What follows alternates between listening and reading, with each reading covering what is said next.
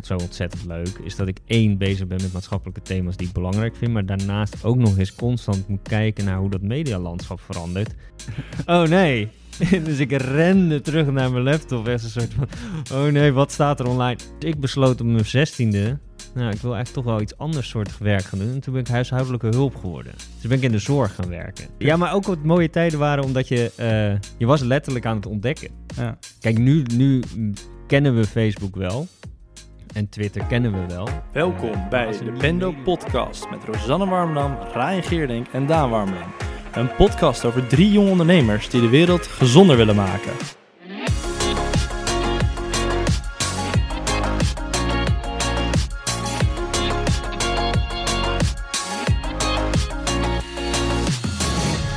Welkom bij de negende aflevering van de Pendo Podcast. Vandaag hebben we weer een gast, Justin Korneef, partner bij BKB.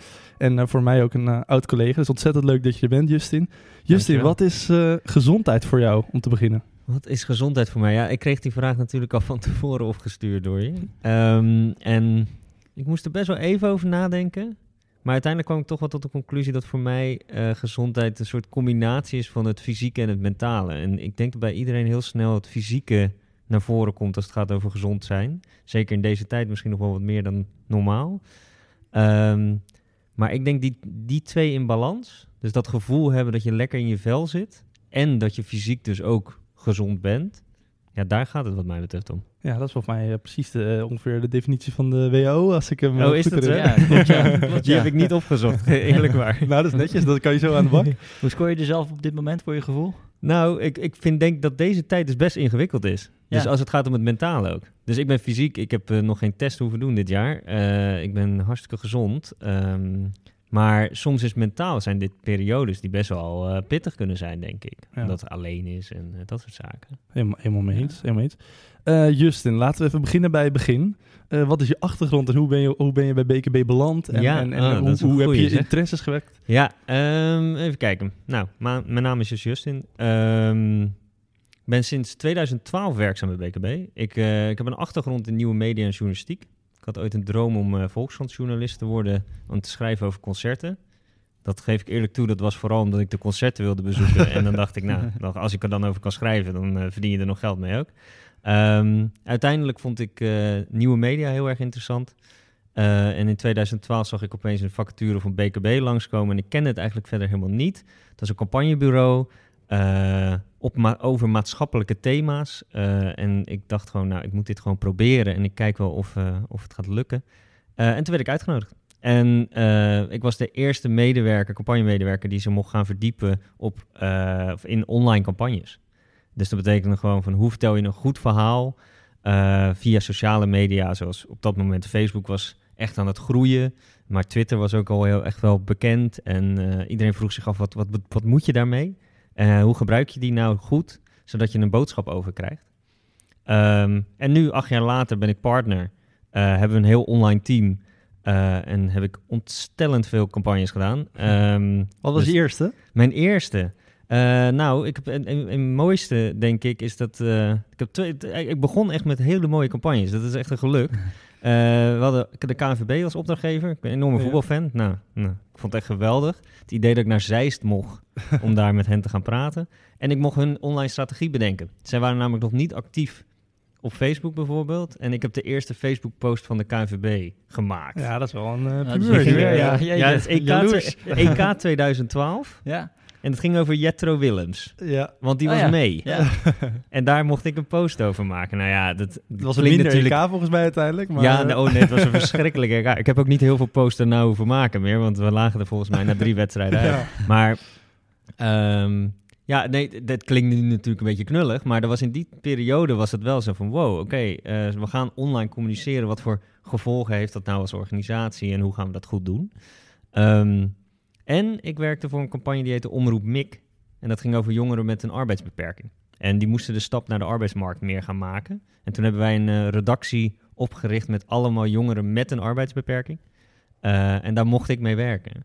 Dus dat was, dat was waanzinnig, want er zat Ronnie in, die was autist, autistisch en had ADHD. Die rende de hele door die redactieruimte heen. En ik moest er nog voor zorgen dat iedereen op zijn plek bleef. ja, ja, ja. Oh, mooi. Wat mooi.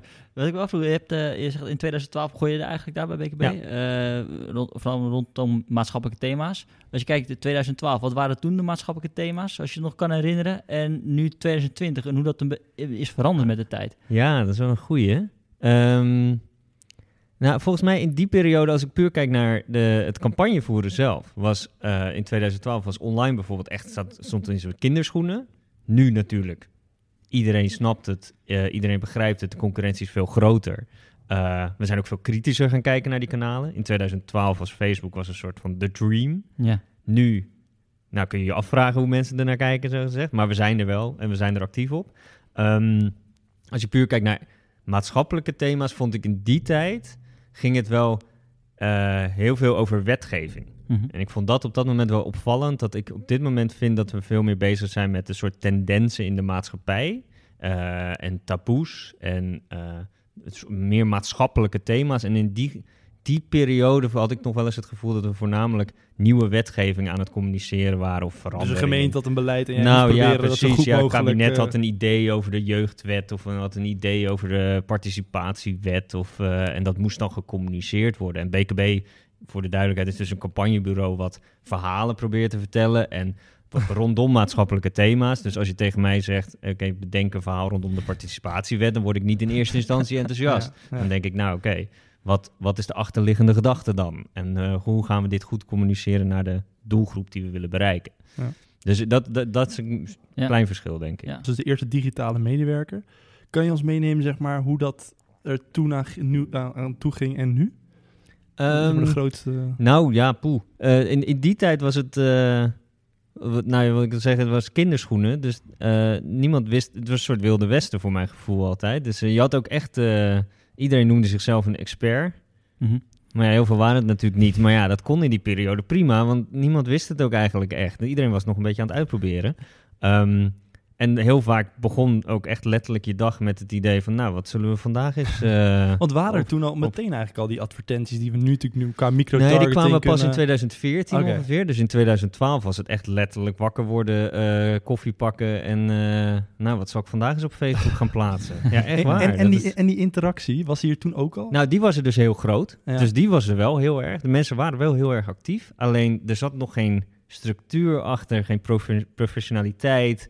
Kijk, als je nu kijkt naar mijn huidige werk, wij maken contentstrategieën. Ja, die maak je van tevoren, je maakt kalenders, die vul je al voor weken of misschien zelfs maanden. Uh, je denkt na over wat een advertentiestrategie gaat zijn, gecombineerd met die contentstrategie. Je gaat nadenken over ook een, een soort, oké, okay, we zitten op LinkedIn en op Facebook. Wat is het verschil? Hoe gaan die twee dingen eruit zien? In die periode maakte je één ding en dan gooi je gewoon op al die kanalen. En dan, uh, God zegen de greep. kijken, kijken of het ergens ja, blijft wel plakken. lekker dat het dan dus lijkt alsof dat ook wel werkte. Nou, het was in die periode, nee, echt waar. De mooie eerste, tijden klinkt dat, dat waren wel echt wel. mooie tijden. Ja, maar ook wat mooie tijden waren omdat je, uh, je was letterlijk aan het ontdekken. Ja. Kijk, nu, nu kennen we Facebook wel. En Twitter kennen we wel. Uh, maar als een nieuw medium oppopt, dan ben je natuurlijk heel nieuwsgierig naar hoe gaat dit werken en hoe gaan we die doelstellingen die we hebben bereiken via die verschillende kanalen. En in die periode was het echt, nou, ja, je gooide wat tegen de muur en je hoopt, wat je hoopt dat er wat Ja. bleef plakken, zo gezegd. En, Ja. en snapten collega's ook, want jij kreeg echt best wel een nieuwe functie binnen Ja. het bedrijf. Snapten zij direct de toegevoegde waarde of, of Nou zeg ja, maar, ja, wat jij ja. gaat doen? Nou, dat, wat, wat wel hielp is dus omdat ik binnen no time eh, ervaring aan het opdoen was. Dus terwijl ik aan het gooien was tegen die muur en zag wat er bleef plakken, kon ik wel met enige eh, statuur zeggen: hé hey jongens, dit werkt goed of dit werkt niet goed. Binnen no time eigenlijk dus een soort ervaring aan het opdoen was in iets wat compleet nieuw was. Eh, en dat dus collega's steeds meer naar mij gingen kijken van... hé, hey, maar hoe zit het daar dan mee? Hoe zit het daar dan mee? Dus ik heb alles wat ik nu weet en kan, heb ik geleerd while doing it. Ik, Ja. heb, ik, heb, ik heb het echt moeten proberen en dan moeten kijken van... eh, is, dit, is dit hoe het werkt en is dit hoe het, eh, hoe het moet gaan? Ja, ja interessant. Ehm, en, en Justin, laten we even te gaan naar het stukje campagnevoeren zelf. Wat is volgens jou een goede campagne?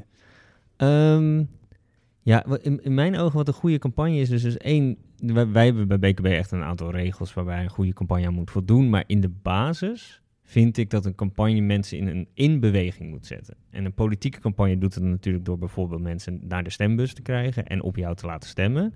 Eh, en dat ze genoeg vertrouwen hebben in jouw verhaal. Dat ze ook denken, nou, als ik dit rode potloodje pak, dan geloof ik er echt in dat dit goed gaat komen.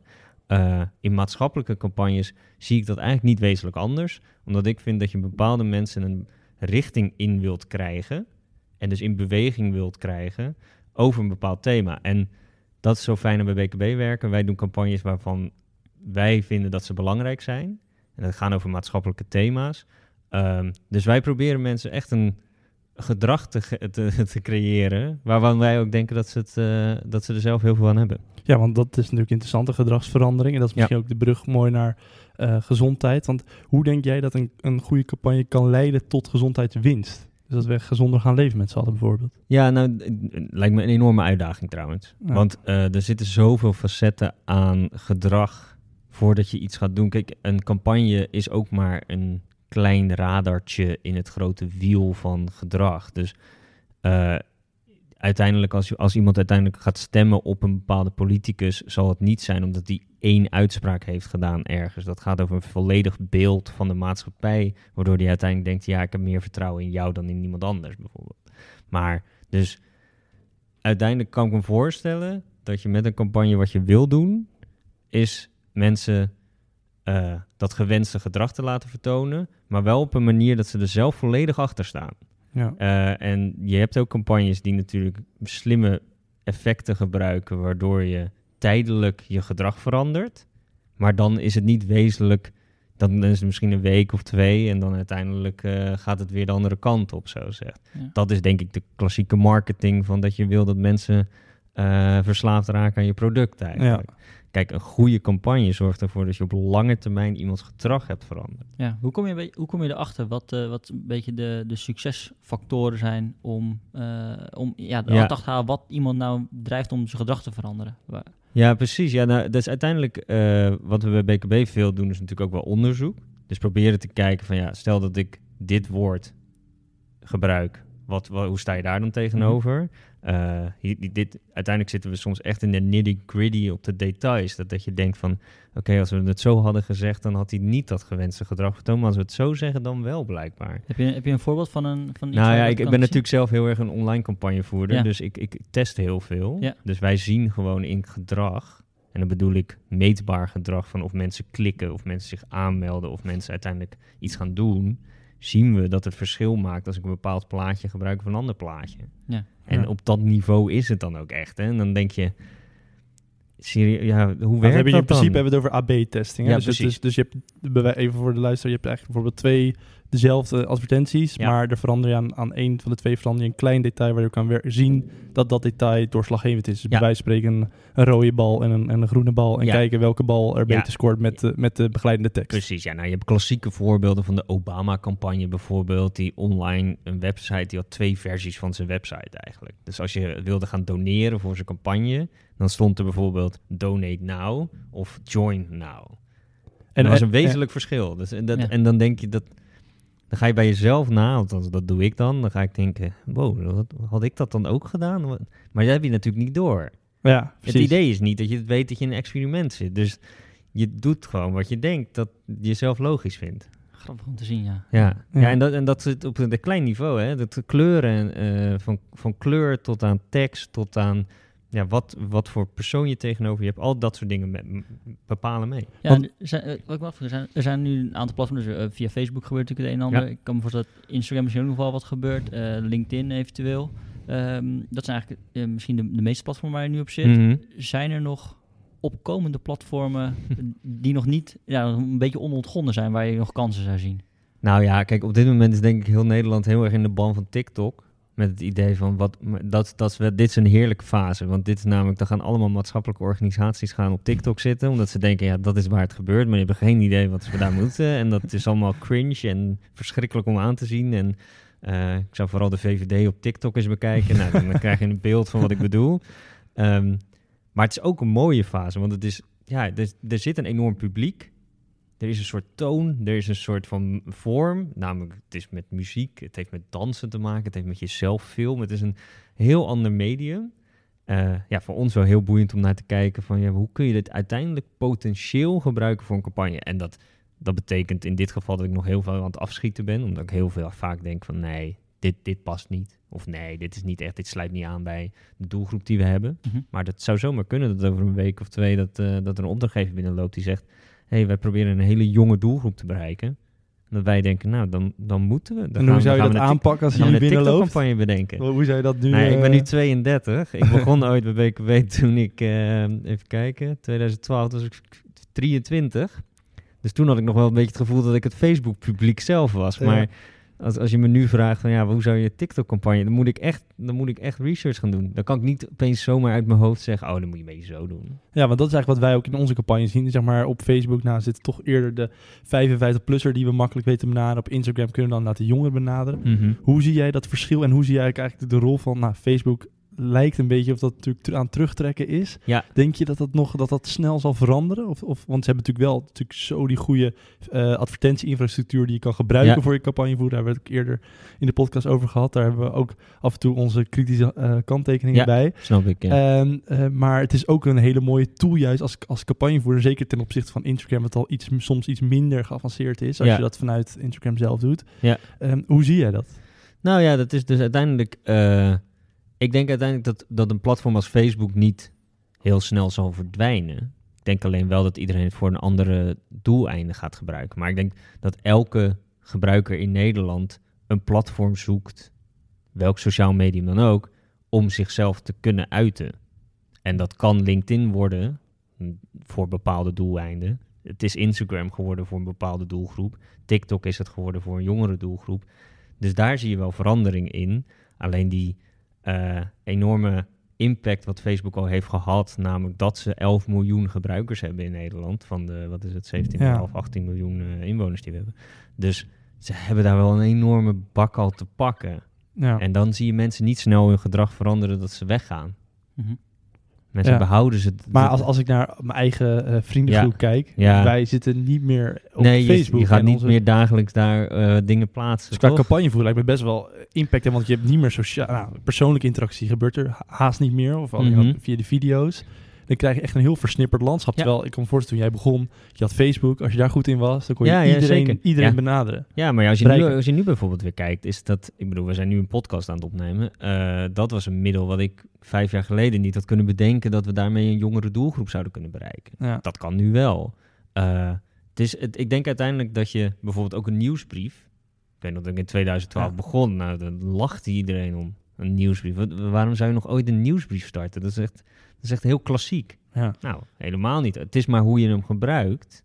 hoe het uiteindelijk wel weer enorm kan, kan werken. ja, want die zien we nu eigenlijk ontzettend opkomen. Toch met. Substack. Wederopleving voor mijn gevoel. Ja, met Ja, Substack en, en, journalisten die Review, zelf... wat wil- op een gegeven moment natuurlijk heel groot werd, dat heel snel ging ook. Dus ik vind dat wel, in, dat, voor, dat maakt mijn werk zo ontzettend leuk, is dat ik één bezig ben met maatschappelijke thema's die ik belangrijk vind, maar daarnaast ook nog eens constant moet kijken naar hoe dat medialandschap verandert en moet bedenken, kijk, Facebook gaat voor ons een enorm belangrijk platform zijn op het moment dat wij 40 plus proberen te bereiken. Ja, precies. En dat is voor sommige campagnes ontzettend belangrijk, want dat is de doelgroep. Die, we hebben een campagne gedaan over ouderenwerkloosheid.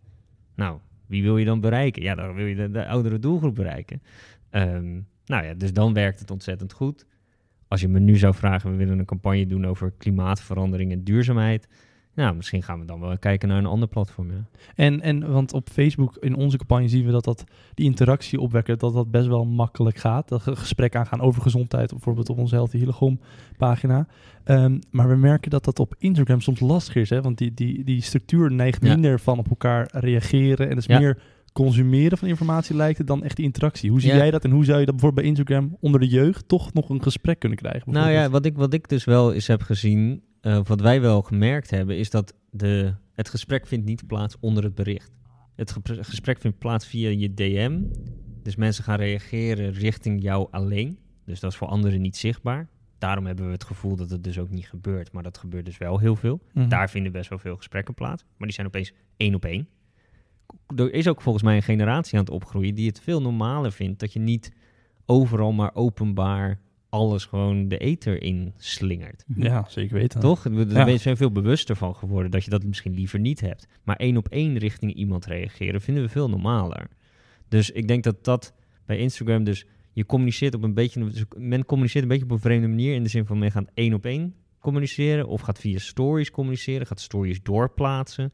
Allemaal dat soort zaken zijn andere vormen van interactie, maar wel heel interessant om te bekijken. Dus het heeft een beetje te maken misschien dat mensen een, een, bepaald gevoel van veiligheid willen, willen bewaren als ze communiceren met elkaar? Ja, dat denk ik. En als je bijvoorbeeld ook kijkt naar, Daan en ik hebben, herkennen ons elkaar in dat ik Ajax heel erg volg. Dat vind ik heel interessant altijd om te kijken naar een, een voetbalclub, hoe zij online communiceren. Zij organiseren allemaal dingen via Instagram waarmee je interactie kunt hebben met het merk. Mhm. Maar het is niet een vraag onder een post met hoe kijk je hier naar. Nee, het is soms het is soms een quizje, het is soms een poll, het is soms... hey, welke vraag wil jij stellen aan die en die? Uh, dus het gaat op een hele andere, persoonlijkere manier, maar meer één op één. Ja, zeker weten. Goeie. Justin, jij hebt uh, volgens mij iemand voor ons meegenomen voor de Panda Wall of Fame. Iedere week uh, bespreken we iemand die op zijn of haar manier ons inspireert om de wereld een stukje gezonder te maken. Ja. Dus dan gaan we even terug naar gezondheid. Wie heb je voor ons meegebracht? Ja, uh, ik, ik, moest er wel even over nadenken natuurlijk. Um, maar ik, ik verbaas me dat hij nog niet in de lijst stond. Namelijk dat David Attenborough er niet in staat. Oeh, daar zijn we ontzettend blij mee. Is zeker een paar keer gepasseerd. Uh, was nog oh. niet op de... nee, maar hij staat niet in de lijst. Dat hij, staat niet in de lijst. Hij, hij staat nog niet in nee, de lijst. Ja, dat verbaast me dus ook wel een beetje. Want ik... Kijk, voor mij is gezondheid dus wat ik zeg, het is een soort de, de balans tussen het fysieke en het mentale. En als er iets is waar ik mentaal, dan wel fysiek veel rust uithaal, is het wel natuur. Uh, ik, ben, ik hou van wandelen. Ik hou van naar buiten gaan. Uh, en als je het dan hebt over David Attenborough als een soort van de ultieme campaigner als het gaat om de, het presenteren van natuur, nou, dan is hij het wel. Ja, weet ik. ik vind het een hele mooie, heel mooie link in daar. Want hij, als er iemand verhalen kan vertellen en je mee kan nemen. Precies. Zeker met zijn laatste uh, documentaire, wat is het? A Life on Our Planet. Ja, precies. Uh, en hoe dat verhaal ook is opgebouwd. Ja. Ik, ik, denk, ik kan me voorstellen dat hij er zelf ook gewoon heel erg veel over heeft nagedacht. Hoe we dat verhaal kan vertellen. Ik kan me niet voorstellen dat hij dat allemaal uithandig heeft ook. Nee, nee, dat denk ik dus ook niet. En het is natuurlijk echt een, het is een, een hele klassieke. Ja. Ook eigenlijk. Dus misschien vond ik het daarom ook wel leuk. Ik dacht, ik kan natuurlijk ook wel kunnen gaan voor een soort online quizkit of zo. Maar uh, ik vind hem echt een ultieme campaigner als het gaat om een vertellen van een verhaal. En daarmee volgens mij ook gedrag veranderen. Ja. Want ik denk dat je, uh, als je zijn uh, series kijkt, wezenlijk geraakt wordt en anders gaat kijken naar de, de wereld om je heen. Ja, daar ben ik het heel mee eens. Ik denk dat hij zijn, zijn authenticiteit die hij uit weet te stralen in zijn, in zijn verhalen, die maakt ook dat je het doet geloven wat hij, wat ja, hij toch? vertelt. Ja. En ja. Ik ben meermaals in slaap gevallen onder de begeleiding van de stem van David Attenborough. Toch? Ja, maar dat is ook, dat is ook helemaal niet erg. Heerlijk ontspannen natuurfilmpje kijken. En, uh, en ja, onder, onder zijn mooie stem uh, dan toch, toch ja, we hadden, we, hadden, we hadden bij BKB altijd op vrijdagmiddag, uh, als het een beetje de donkere dagen werden, dan, dan keken we de, de series van David Attenborough op een heel groot scherm op kantoor. En dan zonder geluid, of in ieder geval alleen de beelden waren het dan meestal. Gewoon om even rustig te worden en mooie beelden te kijken. Maar voor de luisteraar, ja. dat is ook een bewezen gezondheidseffect. Als jij letterlijk je screensaver een mooi stukje natuur maakt, dat zelfs dat van mij na een kwartier kijken daarna al uh, je, je, je, stress uh, verlaagt. Dus zeker, dus ik zou zeggen, die moeten jullie vooral, oh, op, goed, die moeten jullie blijven afspelen, ja. want uh, dat is goed voor de werknemers, ja, de vitaliteit van de werknemer. En wat, wat volgens mij ook wel mooi is bij hem, is dat hij dus naast dat hij volgens mij natuur presenteert op een manier dat je alleen maar kunt denken, wow, oké, okay, hier moeten we voorzichtiger mee omgaan, hier moet ik meer uithalen, dat gevoel heeft hij, zit er een bepaald soort activisme ook in hem. Ook al is hij best wel op leeftijd, toch dat met het idee van we moeten ook wel strijden hiervoor. Je moet dit niet even, uh, je moet er niet alleen maar naar kijken. Ja, en wat, wat vond je als je, want hij, wat je zegt, hij kan het verhaal zo goed neerzetten. We hebben allemaal, denk ik, hier aan tafel de documentaire gezien. Ja eigenlijk eh, wellicht mist een beetje de stap. Wat kunnen we nu meteen morgen gaan doen? Of die campagne daaromheen, mm naar, naar, die, naar die gedragsverandering. Ja. En hij natuurlijk binnen, binnen drie dagen, toen wij de meeste aantal volgers binnen drie dagen ooit op Instagram bereikt. toen hij live ging. Ja. Je zou zeggen, oh, hij had toen een mooi platform. Hij had wel een paar polletjes, had hij. Of heb je de documentaire gekeken? Oh, heeft het je gedrag veranderd? Uh, maar het viel me op dat er eigenlijk denk van, oké, als je nu de, voor mij de actie erachter zou plakken. Ja, zo. Ja, ik, wat ik ook wel boeiend vind, is natuurlijk ook de manier waarop je dan kijkt naar uh, wat zijn rol is in het grotere spel. Uh, is denk dat David Attenborough is een maker, is een creatieve maker. Dit is zijn werk, dit maken. Uh, uiteindelijk zie je Jesse Klaver van GroenLinks het aangrijpen om te zeggen, hé hey jongens, daarom moeten we dit en dit gaan doen. Ja. Dus je ziet, ik kan me ook voorstellen dat hij gedacht heeft, hier stopt mijn rol. Ik heb dit gemaakt nu hoop ik dat jullie snappen dat jullie hier iets mee moeten gaan doen. Ja, daar ben ik me helemaal mee eens. Want de beleidsmakers luisteren en het wordt op al die uh, Davos en zo wordt het laten zien. Precies. Maar volgens mij, als we gewoon puur naar de, naar de uh, inwoners van onze planeet kijken, ja. of het nou een VVD'er of een SP'er is die naar David Attenborough kijkt, van mij is iedereen geneigd om naar hem te luisteren. Ja. En ja. als Jesse Klaver zegt, dan zal de VVD'er zeggen, nou, nee, dikke ja, middelvinger. Ja, exact. Ik ga, ik ga het niet doen. Ja, precies. Terwijl dat uiteindelijk, uh, als je ze dus een documentaire kijkt, ook als je VVD'er bent, moet je toch aan het einde van de rit denken, hmm, misschien moet ik niet VVD stemmen. Ja. Ik zit toch, ja, gaan we toch af in welke mate mensen uiteindelijk dan in de spiegel gaan kijken. Ja. En daadwerkelijk overgaan tot op een bepaalde actie. Ja. Uh, dat ze, dat ja. ja, als je dat voor elkaar weet krijgen, dan heb je... Een... Nou ja, kijk, en dat is precies waar we het over hadden. Hè? Dat, Ja. uh, een goede campagne, als we dit even als, een- als, als we hem als campaigner gaan bekijken, eh, hoop je dat mensen wezenlijk hun gedrag gaan veranderen na het kijken van zijn documentaires bijvoorbeeld. Ja, ja.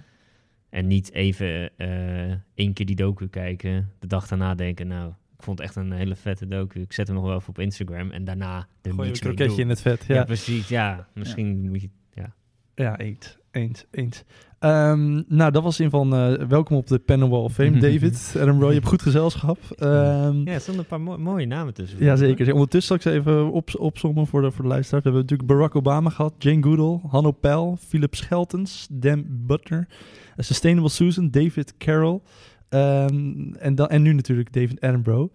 Eh, Justin, het lijkt me ontzettend leuk om een aantal voorbeelden van gezondheidscampagnes die BKB heeft gevoerd eh, met je Ja. door te Heb je een aantal? Ik, ik weet, eh, in mijn tijd heb ik bijvoorbeeld, mijn allereerste stageopdracht was artikels zoeken voor de Facebookpagina van psychiatrie, als ik ja, me goed ja, herinner. dat is wel echt een mooi verhaal. Wij werkten voor de Nederlandse Vereniging voor Psychiatrie. Dat is de, de beroepsvereniging voor alle psychiaters in Nederland. Zij wilden eigenlijk een campagne voeren waarbij de psychiatrie meer benaderbaar werd en eigenlijk uit een taboesfeer getrokken zou worden. Eh, in, de, in die periode was eigenlijk al het nieuws wat je over de psychiatrie las, was eigenlijk altijd wel negatief. Ja. Dus er, was, er, wa- was altijd wel. zat er of criminaliteit omheen. of er, de- het, het ging nooit goed bij de psychiatrie. Terwijl zij zeiden, als Nederlandse vereniging, zeiden, nou, het gaat, het gaat ook best wel veel goed hoor, jongens. Het is, ik bedoel, we moeten ook weer niet doen alsof het eh, allemaal misgaat hier in Nederland. We hebben, we, doen, we hebben een mooi beroep. En wat wij doen helpt mensen echt. Ehm, maar ja, hoe, hoe vertellen we die verhalen dan? Nou, en toen kwamen ze bij ons. Dan, dan kom je dus bij BKB uit. Want dan gaan wij nadenken voor jou van wat de vorm is en hoe je dat dan het beste kan doen. Eh, en toen hebben we een Facebookpagina gestart. En ik, ik kan je eerlijk bekennen, het succes heeft redelijk afgehangen van één factor die ik in binnen vijf minuten heb bedacht. Namelijk, het zou eerst de Nederlandse Vereniging voor Psychiatrie heten, de pagina. En toen dacht ik, ja, maar niemand, volgens mij wil, niemand dat volgen. eh, drukken, nee. Volgens mij toch, ik bedoel, als je erover na, gewoon ik heel simpel nadenkt en denkt, vindt iemand dat leuk om, vindt iemand het sowieso leuk, een Nederlandse vereniging voor psychiatrie? Nee, ik denk het niet. Ehm, toen heb ik dat Nederlandse vereniging voor eraf gehaald. Toen heb ik gewoon gezegd, weet je wel, anders noem het gewoon psychiatrie. Ik bedoel, daar gaan we het toch over hebben. Ja. En dan kunnen we wel ergens in de intro uitleggen dat het, het op initiatief is van. Precies, logootje in de hoek. eh, Precies, ja, daar kun je wel iets op bedenken, maar laten we benaderbaar maken. Nou, dat was een goede keus. Eh, we gingen binnen twee jaar naar 100.000 volgers. Eh, we bereikten, ontzettend veel voor we bereikten anderhalf, eh, twee miljoen mensen per maand. Nou ja, dat is daar een krant jaloers op, zo gezegd. Dus dat, we hadden gewoon onze eigen krant opgericht. ja, en elke maand vertelden we daar verhalen over de positieve kant van de psychiatrie. Dus eigenlijk van wat zijn de, de succesverhalen of de bijzondere kant. Of gewoon om te laten zien van hoe worden mensen op dagelijkse basis geholpen door het feit dat er 3000 psychiaters in Nederland zijn. Eh, ja, ik heb daar ontzettend veel gewoon geleerd en enorm veel waardering ook voor de psychiatrie gekregen. Ja. Zeker. Ja, je besteedt natuurlijk waarschijnlijk dan veel tijd ook om je in te lezen van wat gebeurt. En, en vaak is- door dat soort verhalen kan ik me voorstellen dat je Ja. dus veel meer ziet van wow, dit gebeurt er eigenlijk allemaal. al. Ja, zeker. Ja, nee, ik had, eh, ik had een beeld van de psychiatrie, maar die was ook heel eenzijdig. Mhm. Eh, door me meer in te gaan verdiepen. En ik wist dat ik eigenlijk zelf ook de doelgroep moest zijn. Dacht ik, nou ja, dan, dat, dat was echt heel leuk om te doen. En daar heb ik twee jaar lang echt eh, enorm veel plezier van gehad. Ja. Want, want ik las voor mij op de, op de BKB-website, ik las hem vanochtend, maar voor mij is hij vernieuwd, eh, recent. Ja. Voor mij had jij altijd van eh, een campagne voeren voor iets in de zorg of de zorgmensen, dat lijkt me echt fantastisch om Ja, te doen. Ja, nee, waar dat- waar ja. komt die affiniteit dat, ja, dat vandaan? komt, dat komt vandaan. Dat is ook nog een leuk verhaal. Ehm, is dat ik... Ik kom uit het Westland. Ja. Eh, dat is een kassengebied eh, in de buurt van Den Haag. Eh, nou, daar komt alle, alle paprika's en tomaten en sla en zo. Dat komt allemaal daar vandaan. Ook al veel bloemen, rozen, tulpen.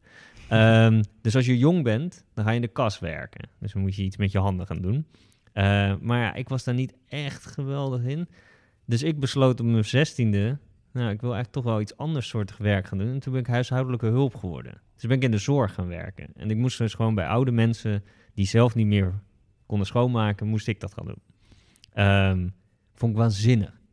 16 jaar, ik echt... de- ik zou bijna willen zeggen, misschien wel de mooiste baan die ik ooit heb gehad. Wat, wat vond je er zo, zo mooi aan? Nou, omdat het, het, al die mensen waren anders. Dus eh, sowieso, ik was de enige man die dit werk deed. Eh, die, dit, was een vrouwenbaan, weet je. Dus ik was de enige jongen. Dus elke keer als ik voor die deur stond, dan schrokken ze wel altijd weer even kort. Zo van, oh, een jongen, die zal wel niet weten hoe die, eh, Moet hoe die de ramen moet lappen. Ehm, En ik- even voor de, voor de luisteraar, Justin is zelf ook een hele nette. Die heeft zijn bureau altijd netjes opgeruimd. ja, Geen ik- pennetje die scheef ligt. ja, dus dus in principe ben je gemaakt voor dat, voor Ja, oh, ik was perfect. Ik was hartstikke goed hierin. Eh, maar wat het zo leuk maakt, is die mensen die eh, hebben een schoonmaakhulp nodig, maar die hebben eigenlijk wat meer nodig. Die hebben gewoon aanspraak nodig. Die zijn soms van 80, 90 jaar oud. Die zitten thuis. Die vinden het gewoon leuk als iemand langskomt. Dus ik heb wel eens, ik weet nog dat ik een keer binnenkwam en dat een man zei: Hey, eh, vind je de Tour de France leuk? En ik zei: Nou, zeker. Hij zei: Een mooie etappe vandaag. Zei je: Even stofzuigen, een kwartiertje. Dan kan je naast me komen zitten en dan gaan we even Tour de France kijken. Dat is een mooie baan. Ik snap Ja, wel dat je dat de mooiste baan Tweeënhalf eh, uur. Tour de France gekeken. Toen zei hij, nou, nu mag je wel weer naar huis. Toen zei ik, nou, kijk nog even de, de etappe af. Ja. En, de- en daar werd ik voor betaald. Ja. Nou ja, dat is gekkigheid. Maar ik, is weet ook, wel- ik, wel weet, ik heb verhalen, daadwerkelijk veel, veel... En dus ik had altijd een soort affiniteit met... En uiteindelijk dacht ik altijd van, volgens mij moeten we de mensen die in de zorg werken... ehm, nou heeft BKB daar veel campagnes over gedaan. Onder andere over zorghelden. Gewoon die mensen wat meer een podium geven. Ja. Want het gaat uiteindelijk niet om het beleid wat er omheen zit. Het gaat om de day-to-day mensen die dat werk doen. En laat hen maar eens dat verhaal vertellen van hoe dat is. En ik doe het nu hier, maar ook pas 16 jaar na dato. Ja. Eh, maar ik zou eigenlijk wel van, een, eh, van iemand die in de huishoudelijke hulp willen horen... waarom, waarom die dat zo mooi werk vindt. Ja, ik, voor mij... eh, Gewoon wat meer waardering daarvoor. Zeker. Voor mij is het wel een leuke, leuke podcast. Tommy in de Zorg heet die volgens Mhm. mij. Die ook Ja. inderdaad wel veel van die, van die verhalen ook van zorgprofessionals ophaalt. Ja, Eh, volgens mij is dat een eh, goede aanrader. Maar Ja, dat, cool. kan, dat kan niet genoeg gebeuren, denk ik. Nee, ja dat is- denk ik dus ook. En zeker omdat we in deze huidige trends hebben we eh volgens mij over 20 jaar één op de vier mensen in de zorg nodig. Ja, Eh, dus, dus het moet ook een heel aantrekkelijk vak Is- worden. Zorg dat er goede verhalen zijn, Want dat we mensen ga- geïnspireerd raken Nou, om, Ja. om ja. aan de slag te willen gaan. Ja, ja, en ik vond dat dit, dit, dit jaar natuurlijk misschien wat meer schrijnend dan andere jaren. Dat eh, we moesten gaan klappen voor de zorg. ja. Omdat we gewoon eh, jarenlang eigenlijk niet echt omkijken naar wat voor werk die mensen aan het doen Ja. zijn. En dat we daar best wel wat meer waardering voor mogen hebben. Ja, heel goed. heel Zeker goed. weten. Ehm, ik vroeg me af, eh, best veel succesverhalen. Of, eh, ja, ik ben wel eens benieuwd naar, wat, wat kan je daar iets over vertellen? Over wanneer is wel een keer echt iets misgegaan in een campagne? Van, oh, dit, dit, ging, dit pakt helemaal verkeerd uit. Of we hebben echt een, eh, ja, van spelfouten tot iets anders. Ik ben Ah. wel benieuwd een keer. Ja, oh nou, het, gaat bij ons zeker niet altijd vlekkeloos hoor. Ehm, ik heb er wel een paar. Even kijken welke ik zal vertellen. Ehm, ja, ik denk deze is wel mooi. We hebben de, de, de- we hebben de FIFA-campagne voor Michael van Praag gedaan. BKB voetbal app, luister even Ja, mee. ja, precies. De FIFA-campagne van Michael van Praag. Michael van Praag die wilde FIFA-voorzitter worden en het BKB heeft hem geholpen met zijn campagne. Eh, ik, ehm, ik hanteerde zijn Twitter-account. Dus dat betekent dat ik eh, namens Michael van Praag eh, dingen op Twitter zou zetten. Over de campagne natuurlijk. Niet, niet over zijn persoonlijke leven of zo. Nee. Eh, maar Michael had nog wel soms een, zelf een handje ervan dat hij ook zijn eigen Twitter-account nog wel wilde gebruiken. Eh, dus die zei dan soms van, eh, nou dat, dat, dat wisten we. Maar toen hebben we gezegd tijdens campagnetijd van, nou, misschien goed als Even het wij, wachtwoord veranderen. dat wij gewoon even dat in die periode, dat wij het gewoon doen. Weet je, dan weten we het zeker dat dat alles gewoon eh, nooit wat geks gebeurt of zo. En toen weet ik nog dat ik een keer door kantoor heen liep. En toen zei een stagiair bij ons, die zei... Hé, joh, wat een grappige tweet vanuit Michael van Praag.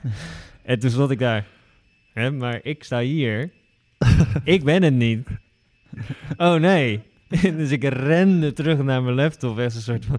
Oh nee, wat staat er online? Het viel heel erg mee. Het echt waar. Het is zo erg was het allemaal niet. Wat Maar was het ongeveer in, in de ja, het was wel, hij had wel een soort van boos gereageerd op een nieuwsbericht of zo. Dus het was, het was niet handig. Nee, Nee, precies. nee. Dus ik weet nog wel dat ik als, vanuit de campagne dacht, oh nee, nee, nee, weg, weg, weg, snel, Ja, snel, ja. snel. weg. Maar dat- dat- wel- dat- hoe ga je daarmee om? Want je bent dus iemand persoonlijk aan het helpen in zijn, Ja. in zijn campagne. Eh, dan heb je een strategie. En je moet natuurlijk wel ja, met elkaar meewerken. Degene voor wie dat doet, die moet meewerken met je. Dus ja, ja, precies. Hoe, hoe, hoe, manage je dat? Ja, nou ja, je moet diegene natuurlijk ook ervan overtuigen dat het, in, dat het voor de greater good is. Ja. Dus dat die, dat, dat, ik bedoelde het ook, ik bedoelde er niks mee voor persoonlijk voor hem. Ik dacht alleen dat de campagne er meer baat bij zou hebben als we gewoon een gestructureerd vaste lijn van communicatie zouden hebben. Ja. Dus niet over op alles wat in het nieuws zou zitten gaan reageren. Dat leek mij nou niet handig. Nee. En ik denk dat dat ook bij politici en dergelijke ook nog misschien wel eens zal gebeuren. Dat een, dat een medewerker denkt, oh, wat heb je nou weer? Ja, precies. Wat heb je nou weer op Twitter gezet gisteravond? Dat is niet erg handig. Nee, dat lijkt me ook, lijkt me ook uh, heel, erg, uh, heel erg lastig. ja, precies. Ja. Maar ik nog, nog een vraag. Uh, je hebt heel erg veel over verhalen vertellen. Ja. Um, net heb ik al aangegeven, een onderwerp waar je heel erg, ja, wat je aan je hart gaat. Uh, zijn er nog, uh, nog verhalen over een ander onderwerp of een bedrijf of een organisatie waarvan je echt zou zeggen, daarvoor zou ik heel graag het verhaal naar buiten een keer willen brengen, vanuit persoonlijk vlak? Of... Um, nou, dat is dus eigenlijk gek genoeg al een campagne die ik gedaan heb, maar die weer afgelopen is. Okay. Wij hebben uh, gewerkt voor het Antonie van Leeuwenhoek ziekenhuis, het Nederlands Kankerinstituut. En dat is wat eigenlijk dat gewoon de verhalen die daar op de werkvloer gebeuren, als je die goed verpakt en vertelt, dan dat daar heeft heel Nederland baat bij om die goed te horen, zo gezegd. En dat hebben wij een periode gedaan. Helaas is die campagne op een gegeven moment stopgezet of wel afgelopen. Of, uh, maar daarvan denk ik nog steeds wel eens terug van, nou, daar zit nog zoveel potentieel. Want daar gebeuren eigenlijk een soort, nou, het zijn geen wonderen, want de, de wetenschap is, uh, het zijn geen wonderen. Maar wat, wat voor vooruitgang daarin zit, dat vind ik echt waanzinnig. En ik zou, zou dolgraag daar weer mijn vingers uh, ja, aan de slag gaan dan weer gaan. jeuken. Ja, Uh, ja, gaaf. Waar mijn vingers van gingen jeuken was toen uh, ik las dat uh, jullie bij BKB aan de campagne mochten werken, alleen samen in coronatijd. Ja. Uh, ontzettend goede, Nog goede steeds. clip, nog steeds. Uh, dat is ontzettend We goed. zijn nog niet klaar. En wat mij zo mooi was, voor mij is die, week, is die campagne binnen een week live gegaan. Ja. Hoe was dat? Want ik kan me voorstellen dat je dan met z'n allen bij elkaar komt. Ja. Je moet op afstand waarschijnlijk deels werken. Ja. Eh, ik kan me voorstellen dat zo'n kick met z'n allen geeft als je Ja. daar met één team aan, aan het rammen bent eh, voor een doel wat heel Nederland te zien krijgt. Ja. En hopelijk gaat helpen of, of een, een, een hart om de riem steekt. Hoe, Ja. hoe kan je daar ons meer over ja, vertellen? dit is ook zo. Wij, wij denken nog steeds wel eens terug aan dat ene fatale weekend. Gewoon het weekend. Weet je, dat iedereen nog weet van... oh ja, op zondag ging opeens om zes uur de 13 horeca maart, dicht. ja. Toch? Ja, dat- en dat, dat we met elkaar zeggen, weten we nog... En wij, bij, bij ons begon het allemaal net even iets eerder. Dus wij worden op zaterdag volgens mij al een beetje zo doorcijpelen van... er gaat morgen wat gebeuren. En op zondag moest echt eh, alle hens aan dek. Ja. Eh, en toen moesten we. En wat, ja, dus onder tijdsdruk hebben wij eh, eigenlijk een, een concept moeten bedenken ook. Met van slogan tot aan beeld, tot aan ook, maar ook gewoon heel feitelijk. Wat, is de, wat zijn de maatregelen eigenlijk? Ja. Die anderhalve meter is belangrijk, oké. Ehm, zoveel mogelijk thuiswerken, oké.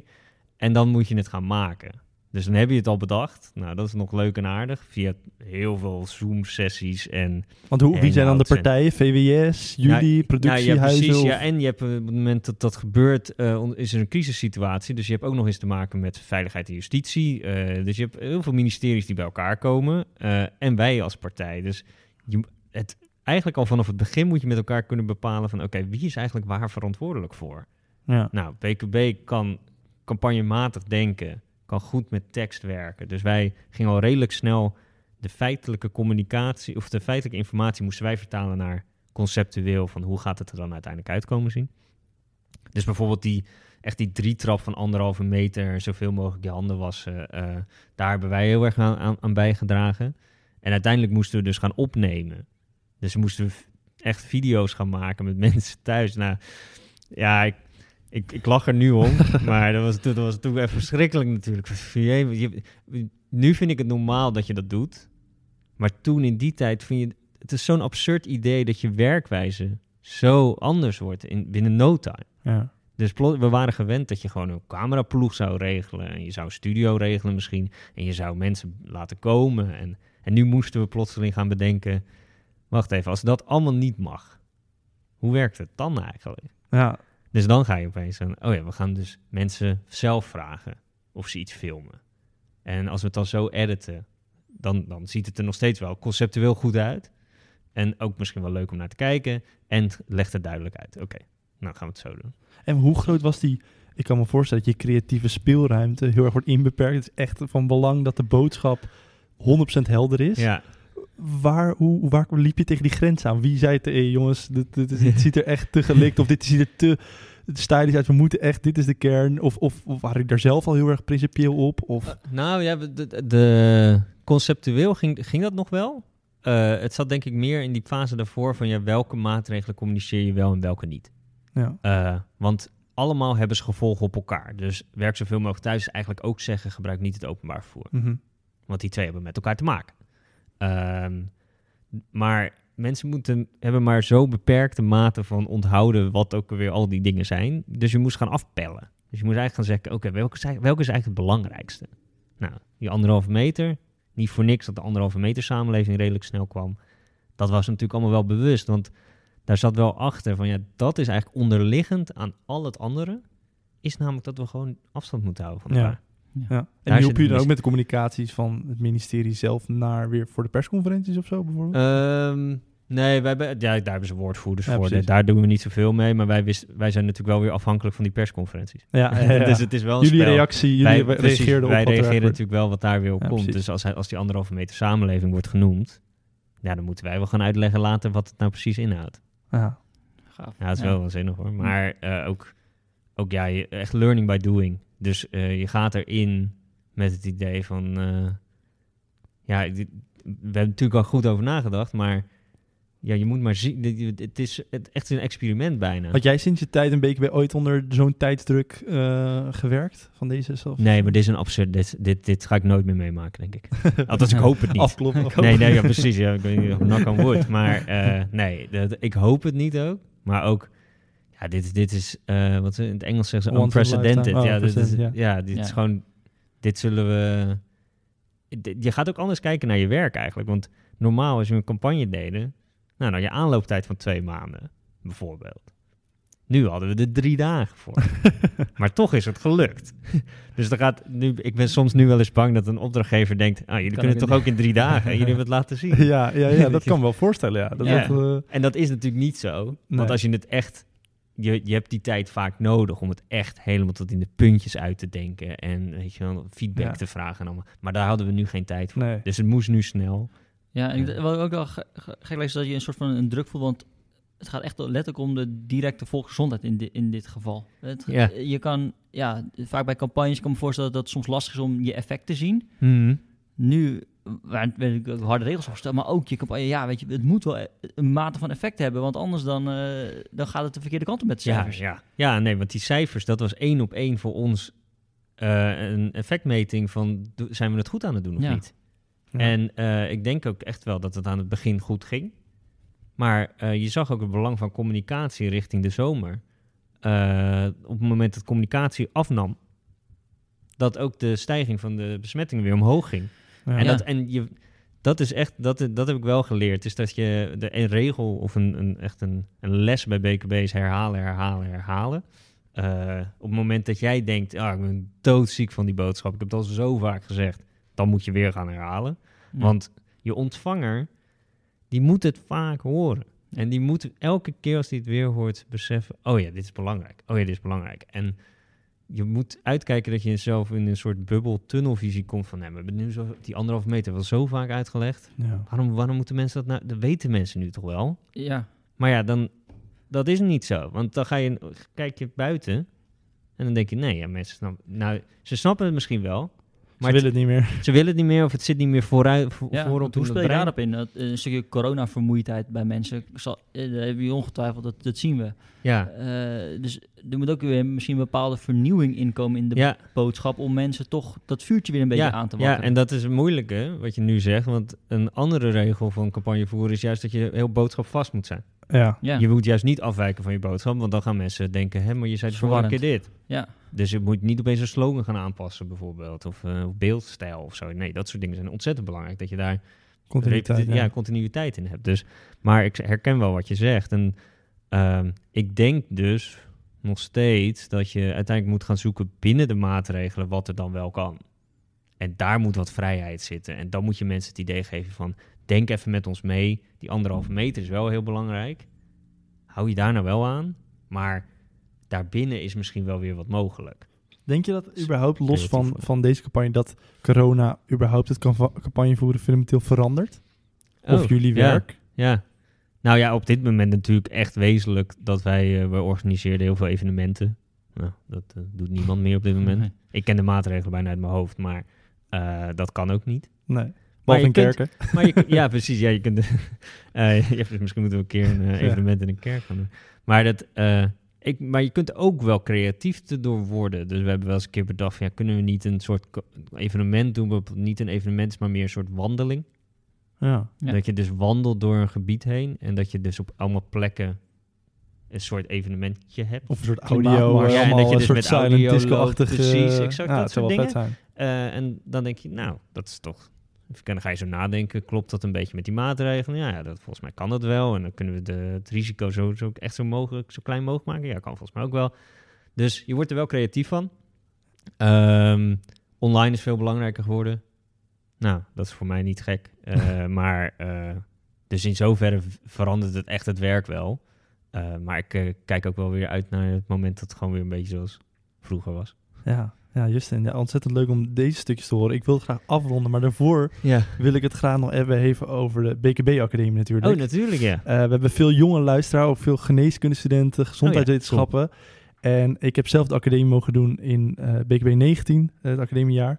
Ja. Uh, maar ik denk dat het ontzettend goed is en mocht er luisteren zijn die geneeskunde studeren, dat zij weten van het bestaan van de academie. Dus kun je, want ik heb er ontzettend veel aan gehad en vooral een ontzettend leuk jaar gehad, maar ontzettend leerzaam vooral. Uh, kun jij het kort uitleggen wat de academie ja, behelst? Nou ja, BKB is dus een campagnebureau wat 21 jaar bestaat. En vanaf het eerste jaar hebben we altijd een BKB-academie gehad. Dus dat het een, eigenlijk een, een, een, les die wij uh, hanteren is dat wij vinden dat je je kennis moet delen en je netwerk moet delen. Uh, hebben we vanaf het eerste jaar gedaan.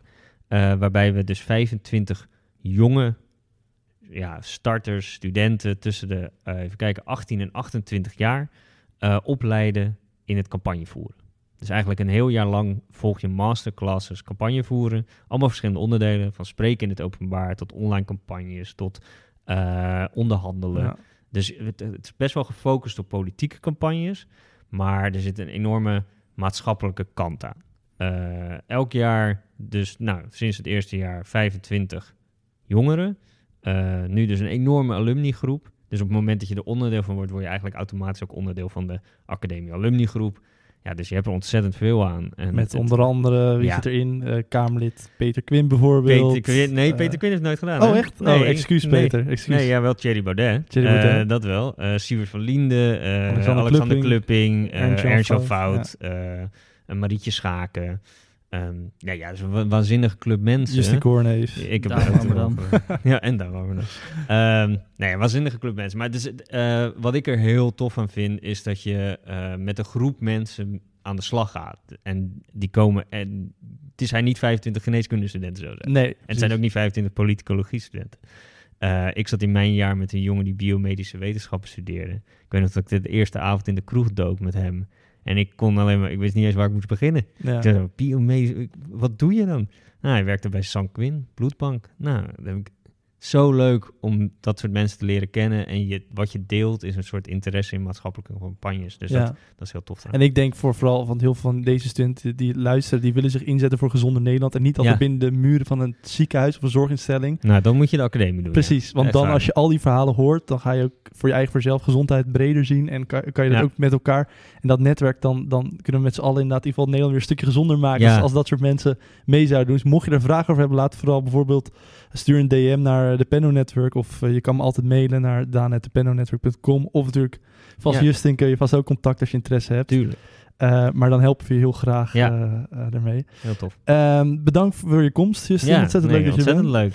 En dan bedank je voor het luisteren van de negende aflevering van de Penno Podcast.